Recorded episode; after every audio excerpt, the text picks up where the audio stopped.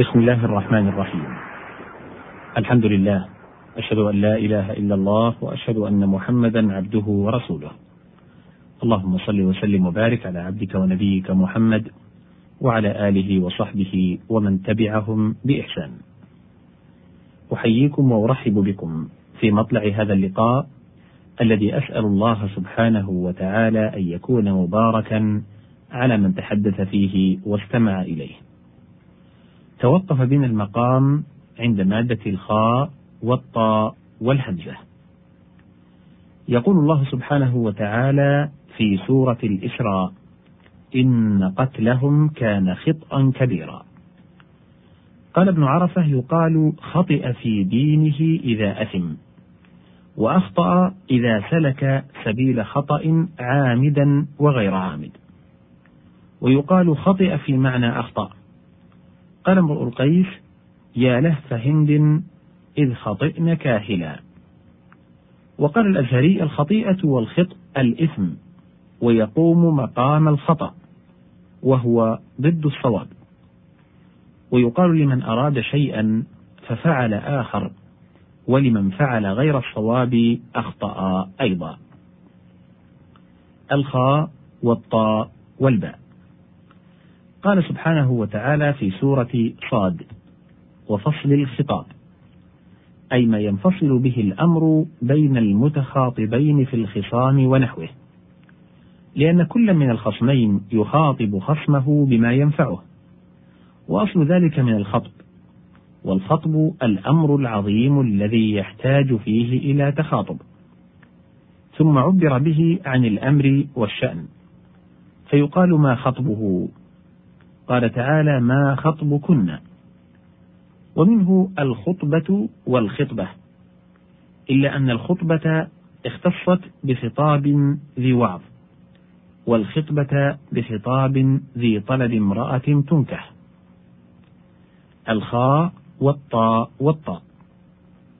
قوله تعالى في سورة العنكبوت ولا تخطه بيمينك. أي لا تكتبه.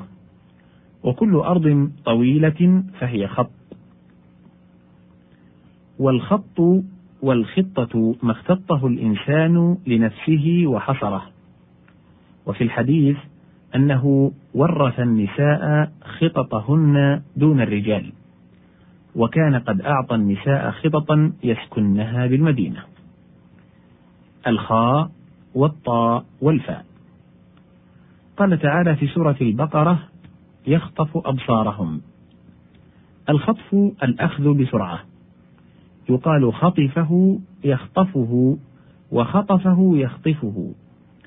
وقرئ قوله تعالى إلا من خطف الخطفة بالوجهين في السبع واختطفت الشيء وتخطفته ومنه ويتخطف الناس من حولهم أي بالنهب والإغارات واستلاب الأنفس والأموال في كل بدو وحضر بخلاف مكة ومخاليفها فإن أهلها آمنون من ذلك. والخطاف الطائر تصور أنه يخطف شيئا في طيرانه. والخطاف أيضا الحديدة التي تدور عليها البكرة. وهو أيضا ما يخرج به الدلو إذا وقع في الركية. لما فيه من الاختطاف والجمع خطاطيف. قال النابغة خطاطيف حجن في حبال متينة تمد بها أيد إليك نوازع. وباذ مختطف أي يختطف ما يصيده. والخطف انجذاب شدة السير وأخطف الحشا أي ضامره كأن حشاه قد اختطف. يعبر به عن الخاصرة. وفي الحديث نهى عن الخطفة. هي ما يختطفه الذئب من الشاة وهي حية كيد فلا يجوز أكلها. الخاء والطاء والواو. قوله تعالى في سورة البقرة خطوات.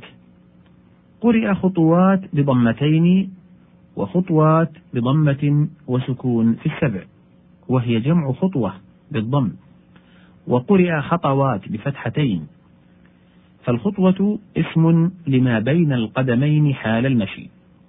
وبالفتح خطوة المرة والمعنى لا تسلكوا مسالكه ولا تخطوا طرائقه فلا تذهبوا في طريق يدعوكم إليه. وهذا من أبلغ الاستعارات. جعل ما يوسوس به إليهم كطريقة طلب منهم سلوكها وجعله دليلا فيها. وجعلهم واطئين عقبه كما تطأ المسافرة عقب الدليل الماهر بالمفازة فلا تعدو خطوة. وهذا فائدة العدول عما لو قيل لا تتبع الشيطان في أوامره.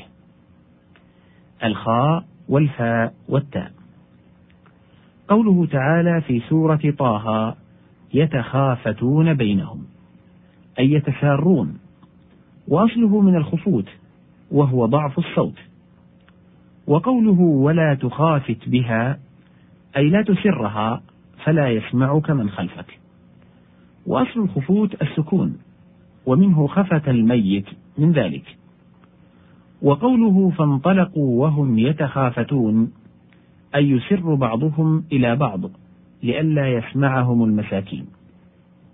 وقال الشاعر أخاطب جهرا إذ لهن تخافت وشتان بين الخفت والمنطق الجهري. الخاء والفاء والضاد. قوله تعالى في سورة الإسراء واخفض لهما جناح الذل من الرحمة. أي ألن لهما جناحك ومقالك. والخفض ضد الرفع. والخفض اللين في السير. والخفض الدعة. ومنه خفض العيش. وقوله تعالى واخفض جناحك لمن اتبعك من المؤمنين كقوله بالمؤمنين رؤوف رحيم وقوله خافضة رافعة أي تخفض قوما إلى النار وترفع آخرين إلى الجنة. وهذا حال يوم القيامة. والخفض أيضا الختان. والخاتم خافض. وفي الحديث إذا خفضت فأشمي أي بقي بقية لطيفة. الخاء والفاء والفاء. قوله تعالى في سورة الأعراف حملا خفيفا. الخفيف بإزائه الثقيل. وخفيف لمن فيه طيش. وثقيل لمن فيه رزانة. وعليه قوله فمن ثقلت موازينه وقوله ومن خفت موازينه.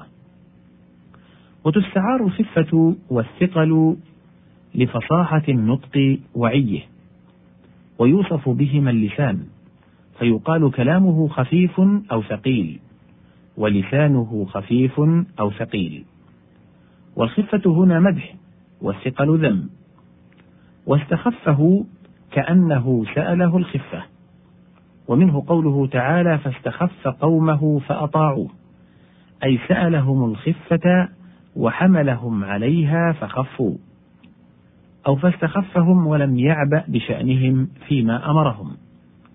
لذلك لم يألوا عن طواعيته مع ادعائه لأعظم الأشياء. وقوله تعالى ولا يستخفنك أي ولا يحملنك على الخفة بأن يزيلوك عن اعتقادك بما يقولون إليك من الشبه. وهو تعليم لأمته صلى الله عليه وسلم. واستخفه وأخفه الطرب بمعنى حمله الطرب على الخفة. هنا نتوقف على أمل بلقاء قريب بإذن الله. حتى ذلكم الحين أشكر لكم إصغاءكم والسلام عليكم ورحمة الله وبركاته.